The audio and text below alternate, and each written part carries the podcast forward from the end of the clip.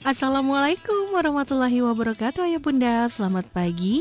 Jumpa lagi bersama saya Anggi dalam acara Sapa Edu Sapaan Pagi Sahabat Edukasi. Nah untuk menemani pagi Ayah Bunda Tentunya Ayah Bunda semua bisa dengarkan kami melalui suaraedukasi.kemdikbud.go.id Atau melalui aplikasi televisi edukasi. Dan Ayah Bunda juga bisa ya download podcast program acara Suara Edukasi melalui aplikasi Spotify. Baik Ayah Bunda tetap bersama Sapa Edu Karena selain berikut ini Sapa Edu akan segera kembali. Ya, pastinya hanya di suara edukasi akrab dan mencerdaskan. Kembali bersama Sapa Edo Ayah Bunda, bagaimana kabar Ayah Bunda pagi ini? Mudah-mudahan ayah bunda dan keluarga selalu dalam keadaan sehat walafiat ya. Dan pastinya nggak lupa juga nih ayah bunda dan keluarga harus terus terapkan protokol kesehatan setiap harinya ya. Dengan memakai masker, menjaga jarak, mencuci tangan, menghindari kerumunan dan juga membatasi mobilitas. Patuhi 5M ini jika kita sayang diri sendiri dan juga keluarga. Nah, sambil mengisi waktu ayah bunda di pagi ini, sama-sama yuk ayah bunda dengarkan Sapaidu dengan tema peran PAUD dalam mengoptimalkan tumbuh kembang anak. Jadi tetap bersama Sapa Edu ya Bunda. Dan untuk ayah bunda yang ingin mendengarkan streaming Suara Edukasi, bisa langsung klik aja di laman suaraedukasi.kemdikbud.go.id atau bisa juga melalui aplikasi televisi edukasi. Kembali bersama Sapa Edu Ayah Bunda, pastinya hanya di Suara Edukasi akrab dan mencerdaskan. Ayah Bunda, Pendidikan anak usia dini atau PAUD merupakan wadah pembinaan anak sejak dini.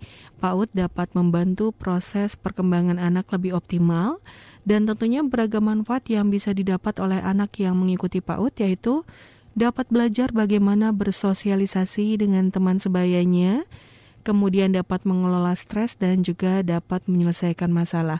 Menurut para ahli, pendidikan anak usia dini pentingnya ya Bunda bagi perkembangan anak. Melalui pendidikan ini, si kecil bisa belajar berinteraksi dan juga menjalin hubungan sosial dengan anak-anak seusianya secara berkelompok. Nah, semakin cepat anak-anak dikenalkan pada hal-hal tersebut, maka tentunya makin bermanfaat pula bagi perkembangan mereka, terutama dengan cara uh, melihat gitu ya atau memberikan contoh kepada anak-anak untuk gemar membaca. Nah, setelah yang berikut ini uh, Ayah Bunda kita akan bahas terkait tentang yang namanya peran PAUD dalam mengoptimalkan tumbuh kembang anak. Jadi tetap jangan ke mana-mana, tetap bersama kami di sini dalam acara Sapa Edu. Kembali bersama Sapa Edu hanya di Suara Edukasi Akrab dan Mencerdaskan. Ayah Bunda memantau perkembangan anak usia dini sangat penting untuk mengoptimalkan tumbuh kembang si kecil di masa depan. Ada beberapa aspek uh, dan juga karakteristik ya dan cara untuk memantau perkembangan anak usia dini yang bisa ayah bunda lakukan sejak si kecil lahir dan dalam masa pertumbuhan. Nah, menurut Badan Kesehatan Dunia WHO, Anak usia dini adalah anak yang usianya itu 0 sampai 8 tahun. Sementara perkembangan anak usia dini adalah kemajuan yang dialami anak secara menyeluruh, mulai dari kemampuan fisik, sosial, dan juga emosional anak. Kenapa sih perkembangan anak usia dini sangat penting untuk dipantau? Sebab ayah bunda, dua tahun pertama atau seribu hari pertama, kehidupan anak sejak kelahirannya itu merupakan fase di mana otak si kecil berkembang secara pesat dan masih bisa berubah berdasarkan faktor yang dibentuk oleh orang tua sehingga anak-anak bisa mengikuti begitu ya lingkungannya. Nah, sebagai contoh misalnya, 80% pembentukan dan perkembangan otak akan terjadi di periode seribu hari pertama kehidupan si kecil. Sehingga periode ini sering kali dianggap sebagai pondasi juga perkembangan anak usia dini agar tumbuh sehat, kuat, pintar dan juga uh, perkembangannya lebih pesat begitu ya. Dan maka penting sekali nih anak-anak mendapatkan pendidikan sejak dini ya, ya Bunda. Baik Ayah Bunda selain berikut ini Sapa Edu akan segera kembali jadi tetap bersama kami. Kembali bersama Sapa Edu ya Bunda, pastinya hanya di suara edukasi akrab dan mencerdaskan. Ayah bunda, perkembangan anak usia dini akan lebih mudah dipantau kalau ayah bunda menggolongkan aspeknya ke dalam empat kategori dasar di antaranya yaitu misalnya perkembangan fisik dan juga motorik. Dan perkembangan anak usia dini bisa dipantau dari pertumbuhan fisik ya dan juga motorik si kecil. Jadi pertumbuhan fisik memberikan uh, si kecil kemampuan untuk eksplorasi dan interaksi dengan lingkungan sekitarnya. Nah, pertumbuhan fisik dimulai dari Misalnya anak bertambah tinggi, begitu ya, bertambah besar dan juga sehat sehingga pertumbuhan fisik dapat terlihat ketika si anak uh, mempunyai ciri-ciri tersebut seperti berat badannya bertambah, tinggi badannya bertambah, begitu ya, dan juga lingkar kepala si kecil juga bertambah. Nah, sedangkan perkembangan motorik adalah proses tumbuh kembang kemampuan gerak si kecil ayah bunda. Pada dasarnya, kemampuan motorik akan berkembang sejalan dengan kematangan sistem syaraf dan juga otot si kecil. Nah, kemudian kemampuan berkomunikasi. Perkembangan anak usia dini juga perlu ayah bunda pantau dari kemampuan berkomunikasi si kecil. Kemampuan ini berhubungan dengan kemahiran si kecil dalam berbicara dan juga berbahasa. Untuk dapat berkomunikasi, tentunya si kecil harus terlebih dahulu mempunyai dasar untuk mengutarakan sesuatu misalnya dan mengerti apa yang dimaksud oleh lawan bicaranya. Nah, kemampuan berkomunikasi sangat penting ya ya Bunda untuk dilatih agar si kecil dapat bersosialisasi dengan baik hingga dewasa nanti. Masih bersama Sapa Edu Ayah Bunda, pastinya hanya di Suara Edukasi Akrab dan Mencerdaskan.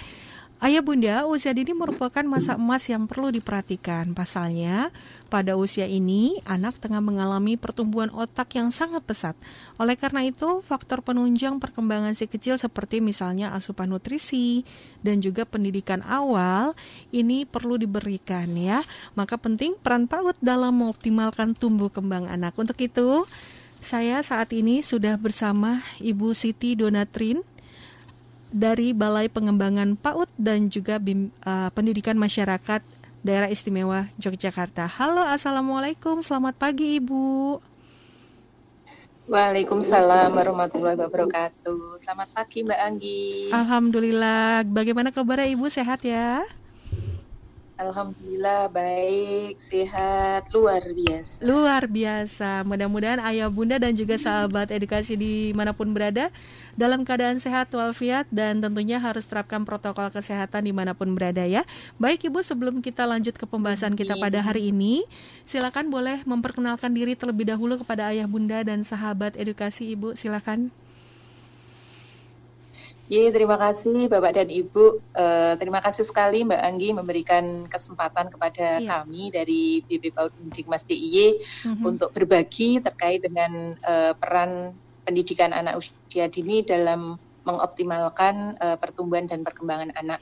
Mm-hmm. Saya Bu Siti Donatiwin, uh, Widya Prada di BP PAUD dan Dikmas Daerah Istimewa Yogyakarta sudah mulai tahun 2008 sudah cukup lama Mbak ini. Iya.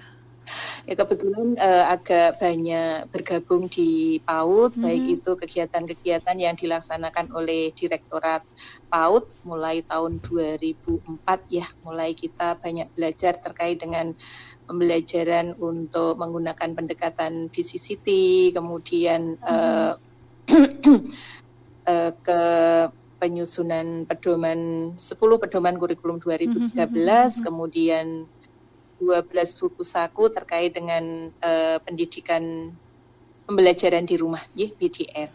Dan ya. sekarang ini kita sudah dikembangkan lagi ke uh, lingkungan belajar yang berkualitas. Baik. Baik. Terima kasih Seperti Ibu sudah memperkenalkan diri kepada Ayah Bunda dan sahabat edukasi. Ya, Ibu mohon maaf sebelumnya uh, mungkin Ayah Bunda di rumah ada yang bertanya-tanya nih, apa sih Balai Pengembangan PAUD dan uh, pendidikan masyarakat gitu. Mungkin Ibu bisa dijelaskan sedikit Ibu apa itu BP PAUD dan pendidikan masyarakat dan juga uh, fungsinya begitu. Silakan. Iya baik, terima kasih. Jadi uh, awalnya memang sebelum uh, berubah ke BP PAUD dan Dikmas Daerah Istimewa Yogyakarta, mm -hmm. itu kami ke BPKB ya hmm. tapi bukan bukti pemilik kendaraan bermotor, tapi hmm. balai pengembangan kegiatan belajar. Hmm. Uh, kemudian tahun berapa?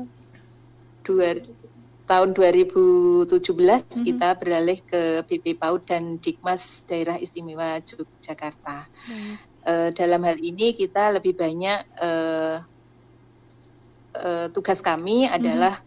terkait dengan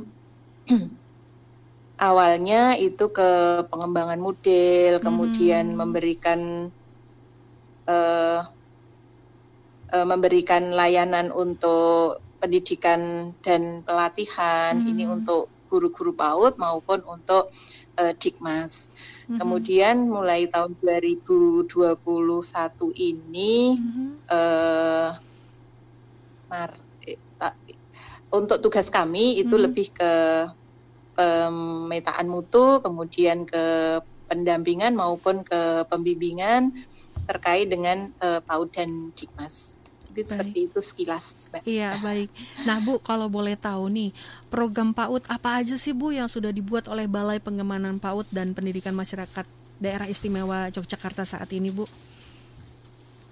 Iya, kalau kita sudah banyak uh, me menyusun model-model terkait dengan baik itu terkait dengan uh, pengembangan hmm. untuk kegiatan uh, layanan PAUD maupun Dikmas uh, kemudian juga uh, terkait dengan pendampingan baik itu pendampingan untuk pemenuhan delapan standar mm-hmm. maupun juga kita uh, sudah melakukan uh, pembimbingan juga sehingga dalam hal ini memang sangat terkait dengan uh, apa namanya pemenuhan untuk layanan baik itu untuk PAUD maupun Dikmas yang ada di satuan pendidikan.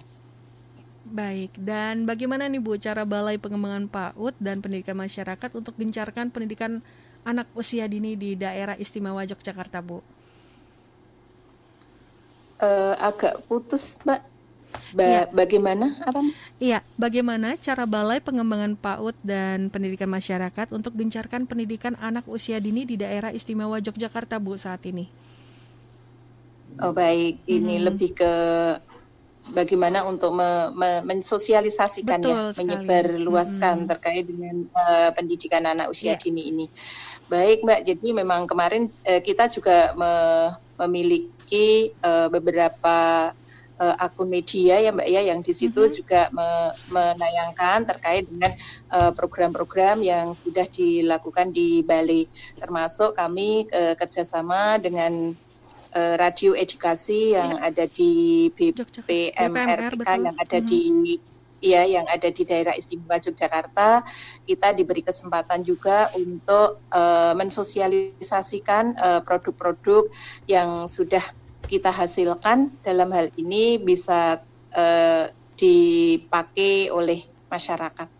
Baik, baik. Nah, kurang lebihnya ayah bunda dan juga sahabat edukasi sudah tahu ya apa itu Balai Pengembangan PAUD dan juga Pendidikan Masyarakat Daerah Istimewa Yogyakarta. Nah, bicara tentang PAUD nih Bu, pendidikan anak iya. usia dini adalah suatu upaya pembinaan yang ditujukan kepada anak gitu ya yang usianya itu sekitar 3 sampai dengan 5 tahun begitu. Nah, sebagai bentuk bantuan juga bagi pertumbuhan dan juga perkembangan jasmani dan rohani anak agar anak-anak ini memiliki kesiapan dalam memasuki pendidikan lebih lanjut. Nah, kenapa sih Bu PAUD ini memegang peran penting bagi perkembangan anak, Bu? Silakan. Iya, terima kasih. Ya, uh, kalau kita melihat dari uh, ini tayangan yang sudah disampaikan dari ini ya Mbak ya. Jadi kita kan akan menghadiahkan 100 tahun Indonesia Merdeka ya. untuk anak-anak kita. Mm-hmm. Paling tidak kan berarti sekitar 45 tahun ke depan. Bagaimana mm-hmm. kita akan uh, memberikan anak-anak kita ke depan itu Betul. adalah sebagai kado 100 tahun Indonesia Merdeka hmm di mana sekarang ini sudah diawali dengan adanya beberapa kegiatan di dalam pendidikan anak usia dini ini, mulai dari kegiatan-kegiatan dalam rangka untuk pemantapan mutu dari mm-hmm. PAUD itu sendiri. Yeah. Ya, kemudian uh, dikembangkan juga dengan bagaimana uh, akan dilaksanakan terkait dengan standar pelayanan uh, yang berkualitas untuk uh, pendidikan anak usia dini itu dalam rangka uh, betul-betul mempersiapkan anak-anak kita ke depan itu adalah anak-anak yang siap untuk memasuki uh, masa era globalisasi ini mm-hmm. sehingga uh, apa dengan adanya berbagai macam perubahan anak-anak kita anak-anak Indonesia itu adalah sudah siap. Oleh iya. karena itu uh, sekarang ini banyak uh, apa ya sudah berkembang adanya bagaimana kita bisa memberikan layanan-layanan di dalam pendidikan anak usia dini ini mm-hmm. uh, mempersiapkan anak-anak kita itu adalah uh, aktif, kreatif, kemudian komunikatif dan kolaboratif. Uh, sehingga uh, dari lembaga lembaga pendidik, pengelola, kepala sekolah itu mm-hmm. orang tua itu harapannya tidak statis gitu sehingga harus selalu mengikuti perkembangan sehingga mm-hmm. uh, bagaimana uh, kita mempersiapkan anak-anak kita ke depan itu adalah betul-betul anak-anak itu sudah siap sehingga uh, harapannya adalah menjadi anak-anak yang handal, anak-anak hmm. yang cerdas komprehensif. Selain cerdas dalam hal uh, apa ya, dalam hal kecerdasannya, hmm. intelektualnya hmm. juga berkarakter. Ya. ya. Baik, jadi itu. penting sekali ya Bu ya uh, pendidikan ya. untuk anak usia dini begitu. Jadi ayah bunda jangan ragu ya untuk memasukkan anak-anaknya ke PAUD gitu ya, karena ini adalah langkah awal dan juga usaha kita sebagai orang tua agar anak-anak kita bisa lebih siap untuk jenjang ke selanjutnya begitu ya Bu kurang lebihnya ya. Dan Bu, ini banyak sekali uh, di luar sana gitu atau ketika kita sebagai orang tua membaca gitu ya tentang parenting tentang cara pola asuh pengasuhan atau pengen tahu begitu bagaimana cara mendidik anak-anak yang baik itu. Nah, biasanya uh, sering kali uh, ada kata-kata kita harus mengetahui aspek-aspek perkembangan anak. Nah, apa sih Bu yang dimaksud dengan aspek perkembangan ini, Bu? Ya, ya. Uh, jadi aspek perkembangan anak itu adalah masa keemasan, -hmm. ya, hmm, hmm. di mana anak mengalami perkembangan yang sangat cepat. Yeah.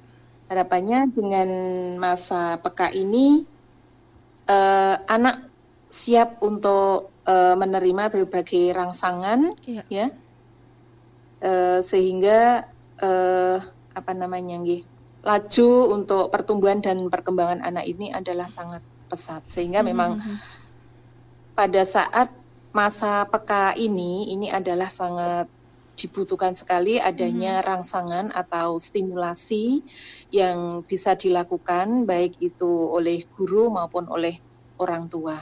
Hmm. Karena uh, pada masa keemasan, pada masa pesat ini memang uh, laju perkembangan anak itu siap untuk menerima informasi-informasi atau uh, siap untuk menerima Eh, konsep-konsep atau materi-materi atau pengetahuan-pengetahuan yeah. baru sehingga harapannya uh, pada masa ini ini hmm. adalah sangat dibutuhkan sekali adanya uh, rangsangan atau stimulasi dan memang pada masa peka inilah uh, anak itu siap untuk menerima stimulasi atau rangsangan dari luar.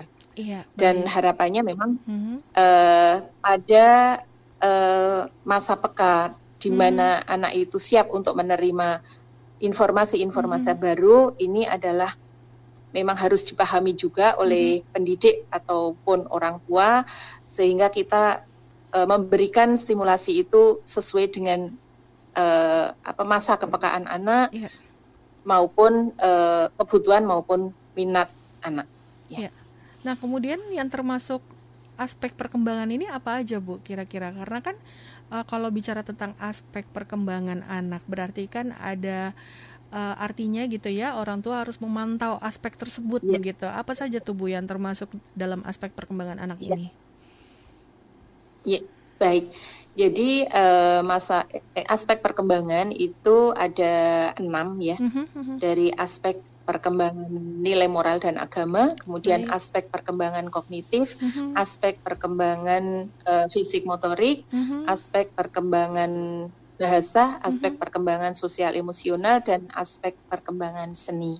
Yeah. Tapi sesuai dengan uh, eh, PP yang sekarang ini ya uh, standar nasional pendidikan bahwa untuk aspek perkembangan seni itu sudah bergabung di lima aspek perkembangan yang lain.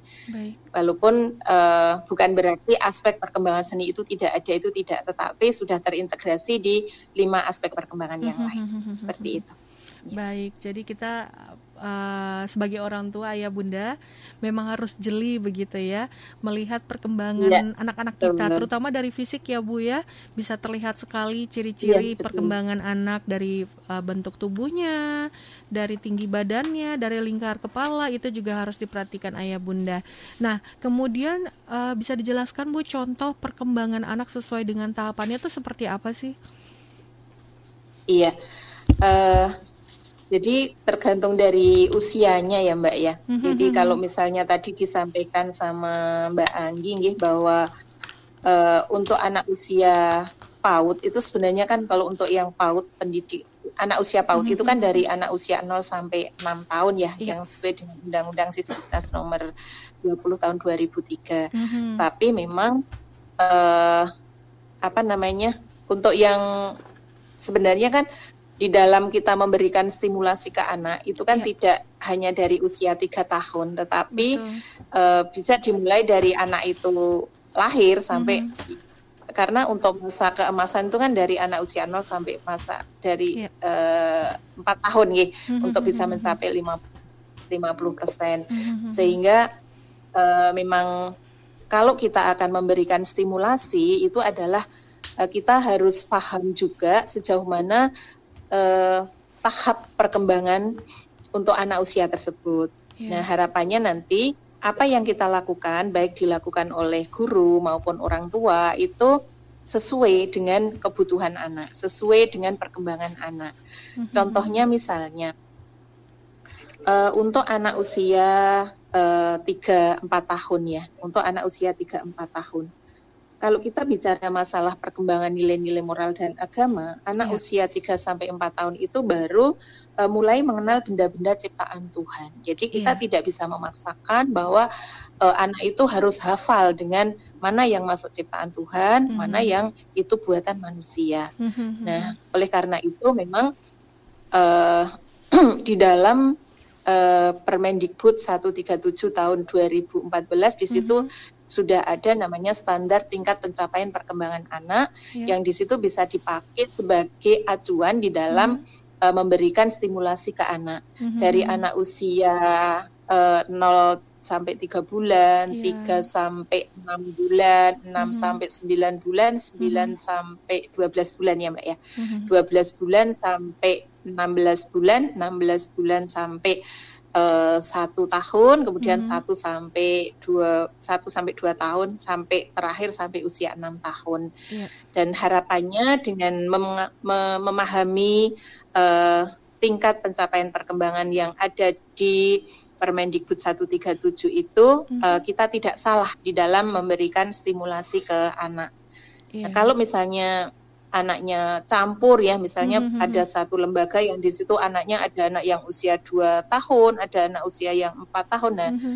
ini kita juga harus hati-hati yeah. okay, sehingga um, di dalam memberikan layanan itu tidak disamaratakan gitu mm -hmm. makanya bagaimana kita bisa memberikan uh, stimulasi ke anak, bisa memberikan kegiatan-kegiatan karena anak belajarnya melalui bermain, kegiatan-kegiatan permainan itu juga disesuaikan dengan kebutuhan anak. Dan ini pun juga uh, perlu dipahami oleh orang mm-hmm. tua mm-hmm. sehingga sangat bagus sekali kalau uh, apa namanya di lembaga PAUD itu juga ada yeah. program parenting yang di situ bisa melibatkan orang tua, eh mungkin satu bulan sekali mm-hmm. perlu dipertemukan atau mungkin syukur bisa uh, ikut mendampingi suatu saat ikut mendampingi saat mm -hmm. anak itu belajar di di kelas. Mm -hmm. Walaupun sekarang ini kita udah agak lama ya Mbak ya yeah. Iya. uh, untuk BDR, mm -hmm. orang tua yang mendampingi ini pun juga sekarang kan merasakan nih banyak yang merasakan bahwa oh ternyata jadi guru PAUD itu tidak mudah tidak gitu. mudah betul tidak sekali. hanya sekedar bisa menyanyi hmm. tidak hanya bisa bercerita hmm. gitu ternyata juga perlu banyak pengetahuan-pengetahuan yang harus dimiliki uh, termasuk mungkin dalam terkait dengan kesehatan yeah. terkait dengan gizi terkait hmm. dengan uh, pengasuhan seperti hmm. apa gitu karena uh, setiap anak akan berbeda-beda kebutuhannya. Mm -hmm. Oleh karena itu, uh, saya uh, sangat sangat mendukung dengan mm-hmm. adanya suara edukasi yang diselenggarakan yeah. oleh Kemendikbud ini mm-hmm. uh, sangat membantu baik itu orang tua orang tua yang mungkin sebelumnya belum paham terkait Betul. bagaimana proses mengedukasi, mm-hmm. proses memberikan stimulasi ke mm-hmm. anak uh, dengan adanya suara edukasi ini akan sangat membantu. Ya. Seperti itu Mbak. Mudah-mudahan bermanfaat ke depannya ya Bu ya. Dan yang pasti ya, kita sebagai orang tua juga harus peka terhadap anak-anak kita karena memang setiap keluarga itu kan pola asuhnya berbeda-beda. Kemudian karakter anak juga berbeda-beda. Jadi kita tidak bisa menyamakan anak kita dengan anak orang lain ayah bunda gitu ya. Karena kan kita orang tuanya kita harusnya lebih tahu, uh, lebih peka gitu ya. Uh, sifat dan juga karakteristik anak-anak kita. Jadi uh, mau belajar pun mau memberi, memberikan pendidikan kepada anak-anak pun kita juga harus tahu harus waktunya juga tepat ya Bu ya jangan sampai ya, si betul, anak ya. lagi moodnya kurang bagus kita kasih uh, bacaan ya, misalnya atau kita ajak belajar wah yang ada nanti nangis gitu ya, iya. ngambek nah, anaknya.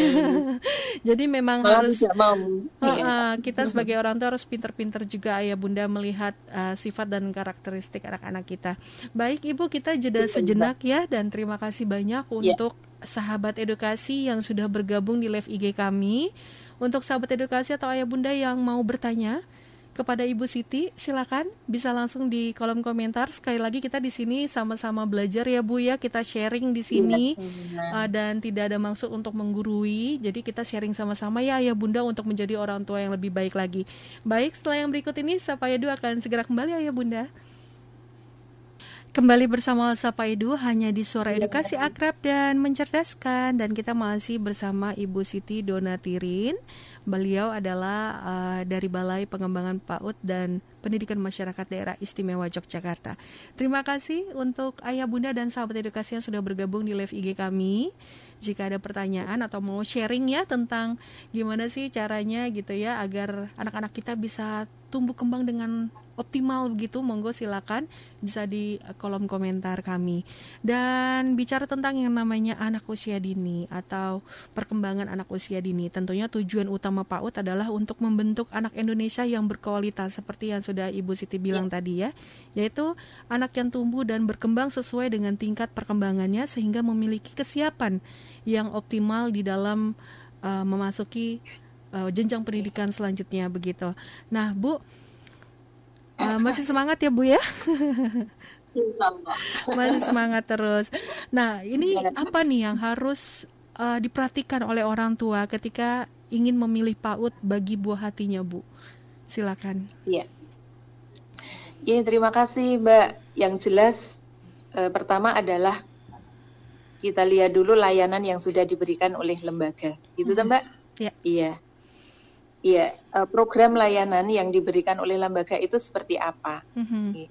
Kemudian juga uh, biasanya kan orang tua juga punya nih gini, punya apa ke depan, mm-hmm. uh, apa ya, apa tujuan ke depan, tujuan. arah ke depan mm-hmm. itu, iya mau seperti apa putranya? Mm-hmm. Apakah dia pingin dari sisi pengembangan agamanya kuat, gitu kan? Yeah atau mungkin dia cukup hanya yang penting pinter, yang penting cerdas gitu. Mm-hmm. Nah, karena itu uh, yang pertama kita kan melihat juga karena ini kan layanan yang diberikan oleh lembaga PAUD ya. Bagaimana mm-hmm. kita bisa memilih uh, lembaga PAUD itu menjadi lembaga PAUD yang berkualitas.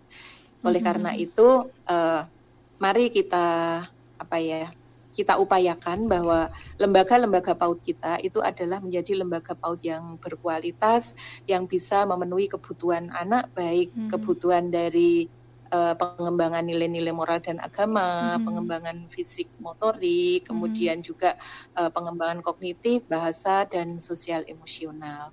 Iya. Di samping itu juga bagaimana kita bisa memberikan uh, kebutuhan esensial anak mm-hmm. kebutuhan esensial anak. Jadi kebutuhan yang yang terpenting bagi anak, tidak hanya dari layanan pendidikan, tetapi juga layanan yang lain mm-hmm. uh, yang sekarang ini uh, dikenal dengan adanya program PAUD HI, mm-hmm. program PAUD yang holistik integratif. Mm-hmm. Nah, holistik integratif itu uh, pada apanya? Nih, jadi uh, mungkin uh, terintegrasi juga di tidak hanya melayani pendidikan tetapi juga melayani dari sisi kebutuhan kesehatan dan gizi kemudian juga ada untuk uh, pengasuhan kemudian mm -hmm. juga kesejahteraan perlindungan nah itu juga perlu kita kita apa namanya kita laksanakan di lembaga PAUD kita yeah. sehingga orang tua itu sangat percaya kepada lembaga PAUD mm-hmm. uh, tidak hanya sekedar untuk mengembangkan dari uh, apa namanya kecerdasannya saja tetapi uh, kebutuhan-kebutuhan esensial anak itu juga di, dilayani uh, diberikan juga dari lembaga PAUD. Yeah. Sebenarnya uh, program-program ini juga sudah diprogramkan oleh pemerintah ya Mbak ya dalam mm-hmm. hal ini uh, dari Direktorat PAUD ini juga sudah memberikan program uh, bantuan terkait mm -hmm. dengan bimbingan teknis untuk eh, lembaga-lembaga uh, PAUD yang menyelenggarakan program PAUD HI dan ini juga mm -hmm. sudah disosialisasikan untuk seluruh kabupaten kota yang ada di seluruh Indonesia. Baik. Oleh karena itu ini sekaligus nih lembaga-lembaga PAUD mari kita apa namanya tingkatkan layanan kita agar uh, orang tua orang tua anak-anak kita itu mm-hmm. betul-betul percaya kepada lembaga kita bahwa uh, lembaga PAUD itu adalah tidak hanya sekedar memberikan layanan pendidikan yeah. tetapi juga memberikan layanan esensial ke anak. Mm-hmm. Baik, jadi ayah hmm. bunda untuk ayah bunda yang mau gitu ya atau berencana memasukkan anaknya ke PAUD, tentu saja harus uh, dilihat kebutuhannya begitu ya hmm. dan uh, ayah bunda bisa melihat paut-paut juga yang terdekat dari rumah gitu mungkin ya uh, supaya hmm. nantinya nggak uh, terlalu jauh jadi si anak nggak terlalu capek juga di jalan begitu ya bu ya jadi memang banyak sekali iya. faktor-faktor yang harus diperhatikan jika ayah bunda uh, memilih PAUD untuk buah hati ayah bunda ya. Terutama salah satunya adalah sesuaikan dengan kebutuhan. Dan satu lagi ya bu nggak boleh dipaksa ya bu ya. Jadi kalau misalnya ya, si anak lagi eh, nggak uh, mood gitu ya belajar di kelas mungkin ayah bunda bisa menemaninya dulu begitu atau ikut ke dalam kelas ya. dulu begitu. Karena ini kan tahap pengenalan juga untuk anak-anak. Jadi jangan sampai ada paksaan ya ayah bunda ya. Baik ibu bicara manfaat nih bu. Pastinya uh, memberikan pendidikan kepada anak usia dini itu manfaatnya sangat luar biasa sekali. Apa saja sih Bu manfaatnya jika ayah bunda memberikan pendidikan pada anak usia dini Bu? Silakan. Iya, yang jelas manfaat yang paling utama itu adalah uh, mengoptimalkan potensi anak, Mbak. Mm -hmm. Kalau memang itu dilaksanakan sesuai dengan uh, sesuai dengan perkembangan anak maupun sesuai dengan kebutuhan dan minat anak. Ya. ya apalagi kalau ini kita lakukan sesu, uh, apa namanya di tahap-tahap uh, masa kepekaan anak ini, sehingga memang betul-betul uh, PAUD ini, ini pendidikan anak usia dini ini jangan sampai ditinggalkan. Maksudnya, ah besok aja ah anak saya belum usia enam tahun, belum -hmm. mau memasuki ke SD. Besok aja kita -hmm. sekolahnya kalau sudah uh, TK gitu. -hmm. Nah, karena kalau nanti kita ke apa namanya sudah sudah usianya sudah misalnya sudah lima tahun baru kita masukkan ke PAUD itu berarti kan akan kelewat nih mm -hmm. di masa-masa usia eh, empat uh, tahun ke mm-hmm. bawah masa-masa usia stimulasi yang begitu sangat pesat itu yeah. nih itu akan kelewat dan mm-hmm. ini juga tidak akan bisa kembali lagi gitu. Mm-hmm. Berarti kalau sudah lewat kan nggak bisa kembali lagi. Yeah. Kalau uh, stimulasi itu tidak kita lakukan kan uh, sinap-sinap di otak anak itu kan banyak yang mati. Yeah. Kalau di kalau banyak yang mati itu kan tidak akan tumbuh lagi. Mm. Nah, itulah yang harus kita perhatikan Baik. utamanya mm bagi orang tua yang walaupun itu mungkin ada di daerah, ada di pelosok yang mm uh, layanan pendidikan anak usia dini mungkin agak jauh. Nah, apa pun uh, sekarang ini juga sudah banyak difasilitasi oleh pemerintah bagaimana mm -hmm. uh, apa namanya layanan PAUD itu tidak harus uh, di kelompok bermain atau TPA, tetapi mm -hmm. ada juga yang dilaksanakan di masyarakat ya di satuan PAUD sejenis namanya satuan PAUD sejenis. Nah itu kan uh, bisa terintegrasi pada posyandu mm -hmm. atau ter terintegrasi pada layanan uh, pendidikan anak usia dini yang lain. Mungkin terintegrasi dalam uh, apa namanya uh, apa ya ini yang TPA, yeah, ya. Yeah. Hmm. atau mungkin di layanan di sekolah minggu, nah hmm. seperti itu. Nah itu kan uh, apa namanya harapannya akan memberikan layanan pendidikan bagi semua anak walaupun itu dalam kondisi mungkin adanya keterbatasan-keterbatasan. Iya. Misalnya keterbatasan dalam waktu, keterbatasan dalam hal ekonomi hmm. misalnya gitu. Seperti sehingga tadi yang disampaikan tadi bahwa uh, dalam hal kita memilih PAUD itu memang tidak harus yang PAUDnya bagus, nih, mm -hmm. maksudnya gedungnya bagus, kemudian uh, apa namanya mm -hmm. semua sarana prasarananya juga bagus. Yeah. Eh, tapi yang penting adalah bagaimana uh, lembaga pendidikan anak usia dini itu betul-betul mm -hmm. bisa memberikan layanan kepada anak sesuai dengan perkembangannya, kemudian bagaimana dia bisa memberikan uh, apa namanya Eh, kegiatan yeah. itu yang betul-betul uh, bisa memberikan kemerdekaan anak untuk belajar. Jadi tidak memaksakan, ya seperti tadi yang disampaikan mm -hmm. oleh Mbak Anggi bahwa anak itu tidak bisa dipaksakan. Mm -hmm. Oleh karena itu bermain, bermain dan bermain itulah anak itu belajar. Yeah. Sehingga uh, bagaimanapun, di mana pun anak berada, kalau kegiatannya itu menyenangkan bagi man, bagi anak, mm -hmm. nah di situlah anak akan banyak mendapatkan ilmu-ilmu baru. Mm -hmm. Seperti itu, Mbak. Iya, baik Ibu. Ini sangat menarik sekali ya, Bu ya. Karena kalau sudah ya. bicara tentang yang namanya anak, itu kayaknya waktu dua jam tuh nggak cukup. Karena banyak sekali yang kita ingin tahu sebagai orang tua. Kita masih banyak belajar gitu ya. Karena tentunya setiap orang tua menginginkan anak-anak menjadi anak-anak yang sukses, menjadi anak-anak yang soleh gitu ya sesuai dengan harapan ayah bunda. Nah bu bicara tentang pandemi nih, wah ini merupakan sebuah tantangan yang luar biasa untuk para guru ya, dan juga orang tua ya, terutama orang tua di rumah nih yang tadinya nggak pernah uh, apa mengajarkan betul. anaknya begitu ya sekarang harus 24 jam iya, mendampingi anak-anaknya belajar dari rumah gitu ya. Nah, mungkin Ibu punya solusi bagi para pendidik juga nih dan juga para orang tua uh, bagaimana gitu iya. ya uh, cara mendidik anak-anak uh, dan juga uh, untuk para guru yang saat ini sudah mulai tatap muka terbatas agar tetap uh, memberikan pendidikan secara maksimal begitu Bu walaupun masih uh, terjadwal ya begitu pertemuan tatap mukanya ya mungkin masih seminggu dua kali begitu tapi bisa maksimal silakan Ibu. Ya, ya terima kasih. Iya, ini memang uh, tantangan bagi kita semuanya mm -hmm. saat pandemi ini. Uh, apalagi saat kemarin ya Mbak ya, iya. mungkin yeah. saat uh, satu tahun ke belakang ya, yeah, yang hampir mungkin anak-anak uh, kita tidak pernah ketemu dengan gurunya, yeah. kemudian uh, semua harus difasilitasi oleh orang tua, yang mm -hmm. orang tua juga sebenarnya itu sibuk sehingga memang ada beberapa kendala uh, saat uh, anak itu belajar di rumah. Yang jelas adalah uh, pertama adalah bosan, ada kebosanan, Betul kemudian sekali, uh, stimulasi juga uh, apa namanya tidak bisa dilaksanakan secara optimal. Iya. Walaupun memang uh, dari pihak pemerintah pun juga sudah berusaha semaksimal mungkin mm-hmm. untuk memberikan uh, buku-buku saku, buku-buku mm-hmm. panduan yang sangat praktis yang itu bisa dipakai oleh orang tua maupun guru dalam rangka untuk memfasilitasi anak di rumah.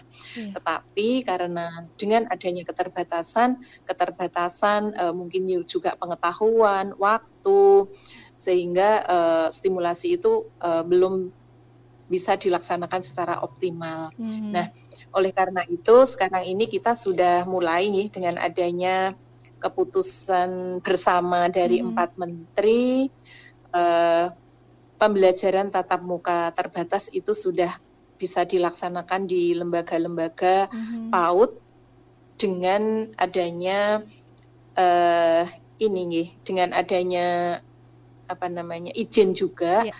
dari pihak dinas pendidikan setempat. Mm-hmm. Jadi walaupun dari pihak pemerintah sudah diberlakukan, tetapi uh, perlu juga adanya izin dari dinas pendidikan setempat karena mm-hmm. yang tahu lebih dalam, tahu lebih jauh terkait dengan seberapa uh, apa risiko-risiko yang yeah. nanti uh, kegiatan pembelajaran tatap muka ini akan dilaksanakan itu adalah di dinas pendidikan kabupaten setempat. Mm-hmm. Nah, mm-hmm. bagi lembaga-lembaga yang sudah melaksanakan pembelajaran tatap muka terbatas, ini mohon juga perlu diperhatikan. Yang pertama adalah yang jelas terkait dengan protokol kesehatan. Yeah. Jadi kesiapan ini tidak hanya kesiapan dari sisi pendidiknya saja, mm-hmm. tetapi juga kesiapan dari lembaga PAUD itu sendiri. Mm-hmm. Saya yakin bahwa masih ada juga beberapa orang tua yang belum mengizinkan iya, bahwa betul. anaknya untuk mengikuti uh, pembelajaran tatap muka terbatas, iya. sehingga uh, dari pihak lembaga juga uh, selain mempersiapkan terkait dengan kebutuhan protokol kesehatan, hmm. juga harus ada izin hmm. ada izin pernyataan dari orang tua hmm. bahwa memang uh, anak itu sudah uh, diizinkan untuk mengikuti uh, pembelajaran tatap muka terbatas. Yeah. Walaupun memang uh, pembelajaran tatap muka terbatas ini memang ada be ada uh, beberapa ketentuan-ketentuannya. Mm -hmm. Antara lain adalah uh, pada saat kita melaksanakan tatap muka terbatas mm -hmm. itu adalah uh, harus ada jaga jarak ya, jaga yeah. jarak. Nah, jaga jarak ini uh, lumayan ya, sekitar satu setengah meter, kemudian uh, layanan itu satu guru hanya lima anak, jadi hmm. tidak boleh banyak-banyak, hmm. sehingga uh, harus kita persiapkan nih segala hmm. sesuatunya. Kalau anaknya banyak mungkin bisa dilaksanakan dengan cara di shift ya, di ya, shift dan hmm. berapanya uh, anak itu bisa belajar di sekolah cukup dua jam, hmm. ya, cukup dua jam dan di situ memang betul-betul hanya dioptimalkan untuk kegiatan stimulasi. Yeah. Mungkin dalam satu minggu silahkan nanti dari masing-masing lembaga PAUD itu membuat jadwal masing-masing disesuaikan dengan jumlah yang jumlah yang ada. Yeah. Kemudian uh, terkait dengan uh, kebutuhan untuk uh, protokol kesehatan untuk hmm. cuci tangan itu juga harus cukup gitu ya jadi hmm. tidak kalau mungkin sebelumnya hanya satu dua tempat untuk untuk cuci tangan kalau sekarang ya bisa mencukupi dengan uh, sejumlah anak kalau hmm. anaknya banyak ya mestinya harus ditambahkan dengan tempat untuk cuci tangan kemudian yeah. juga uh, apa namanya penggunaan ini ya hand sanitizer, hmm. kemudian penyemprotan yeah. di lembaga, ya, itu juga harus diperhatikan. ya, Bu, ya? Yang jelas, iya betul. Yang jelas di sini adalah uh, kita juga tidak bisa memaksakan. Hmm. Kalau anak-anak yang tidak atau anak-anak yang belum bisa, yang belum diizinkan oleh orang tua hmm. untuk mengikuti pembelajaran dengan tatap muka hmm. terbatas, maka dari pihak sekolah juga uh, diharapkan untuk uh, melayani untuk pembelajaran jarak jauh. Yeah. Ya, sekarang ini kita sudah bisa menggunakan uh, bantuan banyak media yang mm -hmm. itu bisa menggunakan uh, WA group, kemudian juga mungkin bisa menggunakan Zoom atau mm. Google Meet atau Microsoft Teams, nah mm -hmm. yang sudah biasa dilakukan dari pihak sekolah. Ya sebenarnya ada positifnya juga ya masa pandemi ini. Jadi guru-gurunya sekarang kan pada pinter-pinter, iya. pandi-pandi yeah. untuk menggunakan uh, media pembelajaran betul, untuk betul, jarak betul. jauh ini.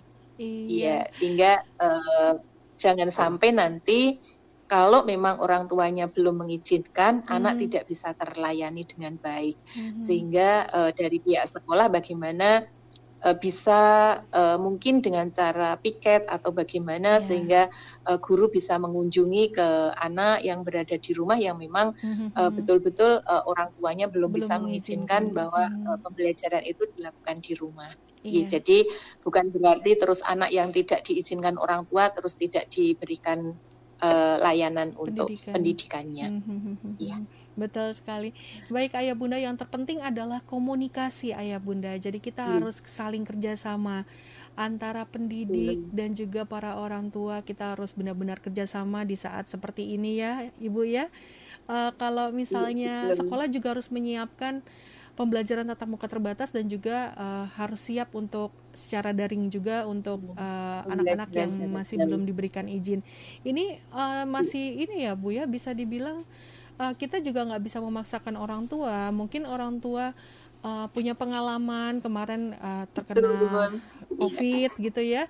Jadi agak ngeri gitu melepas anak-anaknya ya, untuk kembali ke sekolah begitu ya. Kita juga nggak ya. bisa memaksa orang tua. Yang terpenting adalah komunikasi antara pihak sekolah dan juga para orang tua baik ibu. Setelah yang berikut ini kita nanti lanjutin lagi ya. Kita jeda dulu sejenak. Terima kasih banyak untuk ya, sahabat ya. edukasi yang sudah bergabung di live IG kami. Yang mau bertanya kepada ibu Siti ayo silakan bisa di kolom komentar kami ya.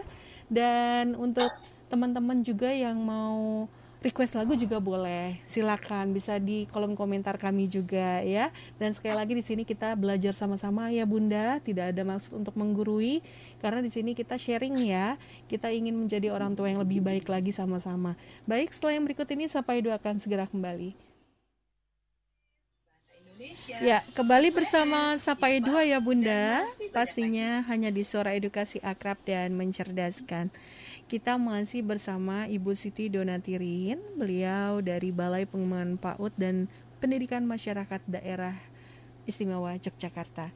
Nah, terima kasih banyak untuk sahabat edukasi yang sudah bergabung di live IG kami. Ada Julkarnain, kemudian ada Nur Aviati 790, ada Puput Bahendra, ada Rofiki, ada Suesti Intan, kemudian ada Faisal Yuliawan, ada Sumarsih 9, ada Lina Novita 86, ada Nurdiana, ada uh, Kun Rohman Niha, oke, okay, ada Anwar Diani, ada Winda uh, Tiwi, Lilis Andang, mohon maaf ya jika salah menyebutkan namanya. Ada juga LPMP Nusa Tenggara Barat.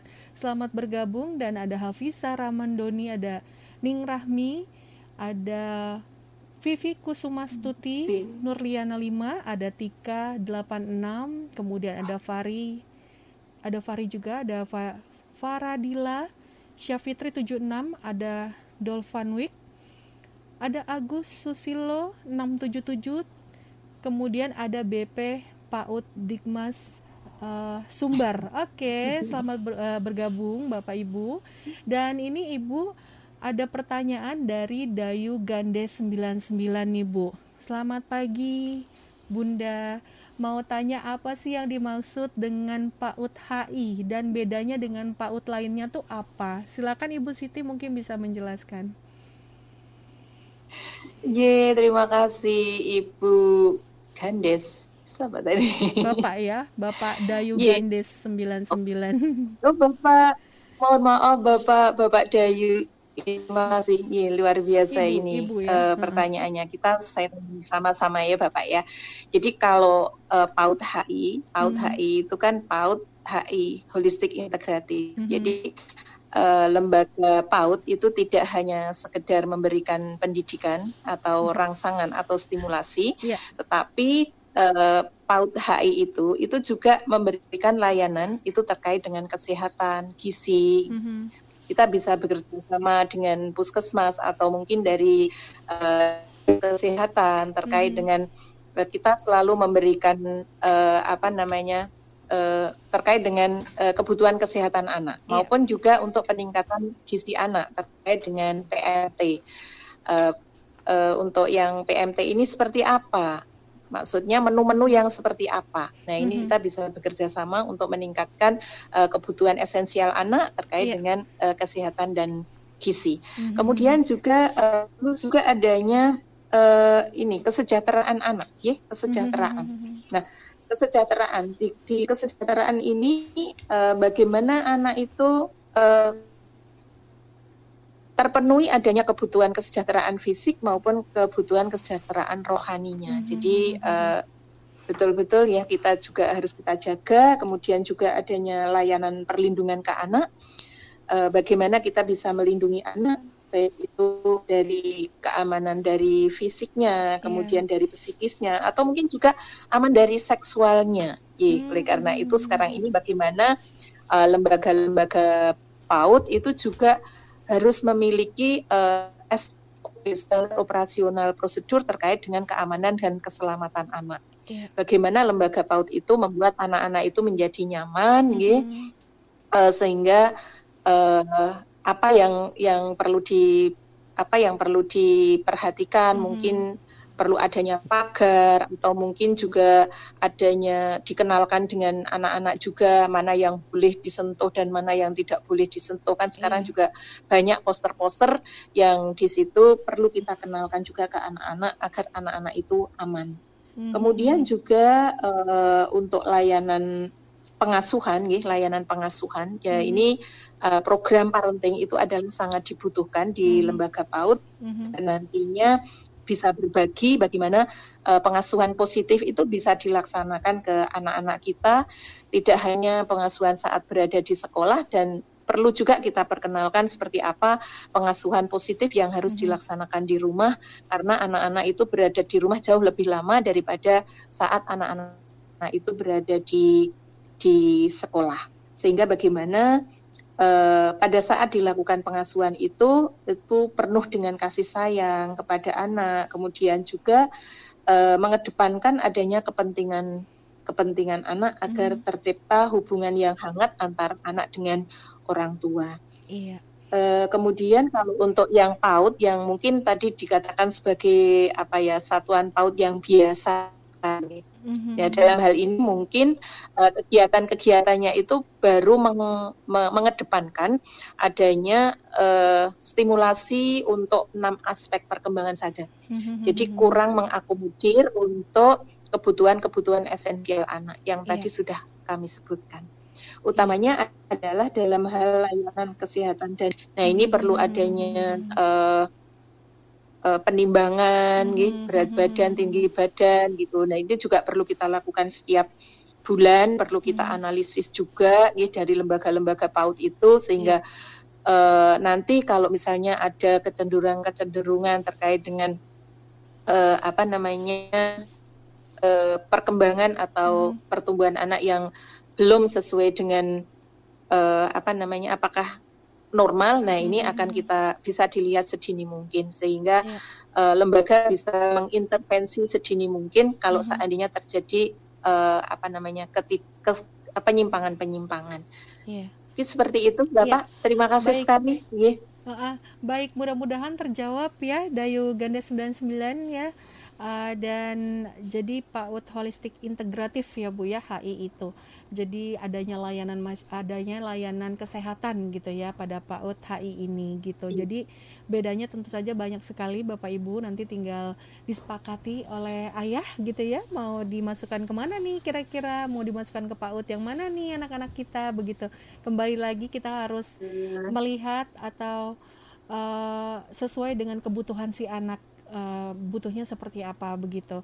Baik Ibu, bicara tentang manfaat tentu ada dampak jika anak-anak kita tidak mendapatkan pendidikan sejak dini. Apa saja sih Bu dampak yang bisa terjadi gitu kepada anak-anak kita ketika uh, kita tidak memberikan pendidikan usia dini kepada anak kita? Silakan Ibu.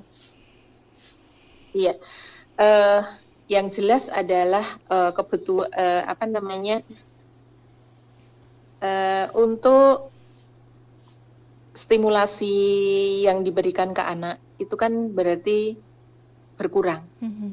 karena tidak uh, kita berikan uh, sesuai dengan apa namanya karena di masa emas tidak kita optimalkan mm-hmm. sehingga uh, ada apa namanya yang semestinya itu sudah mencapai sesuai dengan tahap perkembangannya mm-hmm. itu belum sehingga yang jelas adalah kurang optimal ya perkembangan anak itu uh, menjadi kurang optimal kurang. Uh, dan ini juga apa namanya tidak bisa akan kita ulang lagi karena mm -hmm. di situ sudah lewat ya yeah. oleh karena itu uh, apalagi nah kalau nanti terkait dengan uh, pertumbuhan ya mm-hmm. uh, kebutuhan akan gizinya itu kurang mm-hmm. gitu nah ini juga nanti takutnya nanti akan namanya yang sekarang ini baru digalakkan adanya stunting ya seperti itu sehingga memang uh, untuk stimulasi ini adalah sangat sangat sangat diperlukan oleh agar nantinya potensi anak itu bisa berkembang uh, menjadi lebih optimal. Mm-hmm. Jadi harapannya eh, kendala-kendala terkait dengan perkembangan anak mm-hmm. Terkait dengan perkembangan di enam aspek perkembangan anak itu itu bisa kita minimalisir se sekecil mungkin mm -hmm, gitu dengan Cih. pendidikan anak usia dini ya Bu ya ayo ayo Bunda jangan ragu mm. untuk memasukkan anaknya ke PAUD ya karena ini adalah modal utama bagi anak-anak kita dan mudah-mudahan ke depannya anak-anak kita bisa menjadi apa yang seperti kita harapkan begitu ya dan bisa siap untuk uh, mengikuti jenjang pendidikan selanjutnya begitu. Baik Ibu terakhir pesan dan harapan terkait dengan tema kita pada hari ini Ibu. Ya, terima kasih. Uh, pesan kami adalah yang pertama, berikanlah uh, kebutuhan anak sesuai dengan uh, esensinya, sesuai mm -hmm. dengan kebutuhannya. Ya, utamanya adalah kebutuhan-kebutuhan esensial anak itu yeah. untuk bisa terpenuhi sedini mungkin. Mm -hmm. Jadi tidak hanya diberi layanan untuk pendidikan saja, tetapi mm -hmm. juga kebutuhan-kebutuhan esensial terpenuhi. Mm -hmm. Kemudian berikutnya adalah berikanlah stimulasi ke anak secara bervariasi mm -hmm. sehingga anak tidak bosan. Kegiatan uh, pembelajaran yang dilakukan oleh anak uh, melalui kegiatan bermain itu betul-betul bisa dilaksanakan secara mm -hmm. se seoptimal mungkin. Uh, kemudian uh, proses kegiatan pembelajaran yang dilakukan baik dilakukan di rumah maupun hmm. dilakukan di sekolah, berikanlah lingkungan belajar yang berkualitas. Berikanlah kegiatan-kegiatan uh, anak yang membuat anak itu menjadi merdeka belajar walaupun hmm. uh, kegiatannya adalah melalui bermain. Berikanlah kegiatan-kegiatan itu anak bisa bereksplorasi, hmm. memperbolehkan anak untuk bereksplorasi, berimajinasi yeah. dari uh, apa namanya lingkungan belajar yang sudah disiapkan oleh orang tua maupun uh, oleh pendidik. Berikanlah mhm. stimulasi uh, secara seimbang, ya. jadi dari enam aspek perkembangan itu uh, harus semuanya itu bisa terstimulasi dalam setiap harinya. Jadi karena uh, enam aspek mhm. perkembangan itu itu adalah merupakan kebutuhan anak yang tidak bisa mhm. dipisahkan, yeah. ya, yang tidak dipisahkan. Baik. Itu Baik. mungkin yang Iya, Ibu mohon oh, maaf, maaf ini ada yang tertinggal sedikit. Ada pertanyaan dari sahabat edukasi nggak apa-apa ya, Bu ya. Masih bersama Baik, Dayu ya. Ganda 99 Ibu. Uh, kalau pengenalan unsur yeah. budaya lokal di PAUD itu seperti apa ya Bu? Dan seperti kalau di Jogja itu kan ada pengenalan budaya Mataraman begitu. Mungkin bisa menjelaskan yeah. Ibu? Iya, ya, terima kasih. Jadi kalau di DIY ini memang uh, hmm. jadi ada namanya kurikulum budaya lokal yeah. yang dikeluarkan oleh dinas provinsi waktu itu, mm -hmm. yang sekarang ini juga sudah di di apa namanya diimplementasikan di lembaga-lembaga PAUD di seluruh kabupaten yang ada di daerah istimewa Yogyakarta. Mm -hmm. Di dalamnya adalah membangun terkait dengan mengenalkan anak terkait dengan nilai-nilai luhur atau mungkin nilai-nilai budi pekerti, hmm. kemudian juga ada artefak, nih, kemudian juga ada uh, adat istiadat. Okay. Nah, yang selama ini sudah kita kenalkan itu adalah terkait dengan uh, uh, seperti apa permainan-permainan uh, tradisional, okay. kemudian mungkin mm-hmm. uh, apa makanan-makanan tradisional, mm-hmm. dolanan-dolanan anak. Nah itu uh, sudah kita kenalkan di lembaga-lembaga PAUD yang ada di Yogyakarta, Jakarta ini. Ya, Bu, ya? Termasuk ini juga mm-hmm. sudah kita kita apa namanya dari Bali pun juga sudah membantu untuk membuatkan semacam kayak uh, buku panduan mm-hmm. terkait dengan uh, implementasi untuk permainan-permainan maupun dolanan anak mm-hmm. uh, untuk pendidikan anak usia dini. Ya, kalau ada yang mau ini kelihatannya masih ada juga nanti ada mhm. filenya kalau ada yang yang ingin uh, seperti apa dolanan-dolanan uh, ya? atau mhm. permainan-permainan tradisional yeah. itu bisa kita pakai untuk kegiatan uh, pembelajaran untuk anak. Ya yeah. kalau sekarang ini juga sudah dikembangkan juga mm-hmm. untuk yang di Kulon Progo kelihatannya ini mengembangkan mm-hmm. terkait dengan uh, untuk uh, apa namanya membudayakan anak terkait mm -hmm. dengan uh, untuk ini pelajar profil pelajar Pancasila. Yeah, yeah. Dalam hal ini memang uh, ada beberapa yang sudah mengamalkan terkait dengan budaya kemataraman tersebut. Baik, ya, seperti ini sangat itu. menarik sekali ya Ibu ya. Jadi uh, Pak Ut memberikan pendidikan atau pengetahuan tentang unsur budaya gitu sangat luar biasa sekali. Ya, Jadi betul. mengenalkannya ya. dari hal-hal yang uh, disukai oleh anak-anak, misalnya dari betul, iya. makanan ya. permainan, daerah, dari permainan daerah atau tradisional, begitu ini sangat menarik sekali. Ini ya. boleh ya uh, diterapkan oleh paut-paut di daerah ya, uh, selain Yogyakarta. Baik, terima ya, kasih banyak boleh. Ibu Siti. Semoga terjawab ya Ibu uh, jawaban dari Ibu Siti tadi ya Ibu dan terima kasih banyak kepada sahabat edukasi yang sudah bergabung di live IG kami Dan mudah-mudahan pembahasan kita pada hari ini dapat bermanfaat untuk kita semua. Sekali lagi kita di sini sharing ya ya Bunda ya. Tidak ada maksud untuk menggurui dan kita uh, iya. sama-sama belajar untuk menjadi orang tua yang lebih baik lagi. Ibu Siti terima kasih banyak atas waktunya. Sehat-sehat selalu ya Bu ya. Amin, amin. Iya, ya. Mohon maaf lahir batin. Iya, sama-sama Ibu. Mohon maaf juga kalau ada kekurangannya. kekurangannya. Terima kasih banyak sahabat edukasi dan untuk sahabat edukasi dan juga ayah bunda yang ingin uh, tahu lebih banyak tentang uh, PAUD dan Dikmas DIY, boleh langsung uh, cek-cek ya di Boleh, uh, Instagramnya di @bp_paud dan Dikmas DIY ya silakan. Oke iya. terima kasih banyak sahabat edukasi dan juga Ibu Siti. Lain waktu kita ngobrol-ngobrol lagi ya Bu ya. Baik terima ya, kasih banyak salam mohon maaf. Baik sahabat edukasi dan ayah bunda, selain berikut ini Sapa Edu akan segera kembali.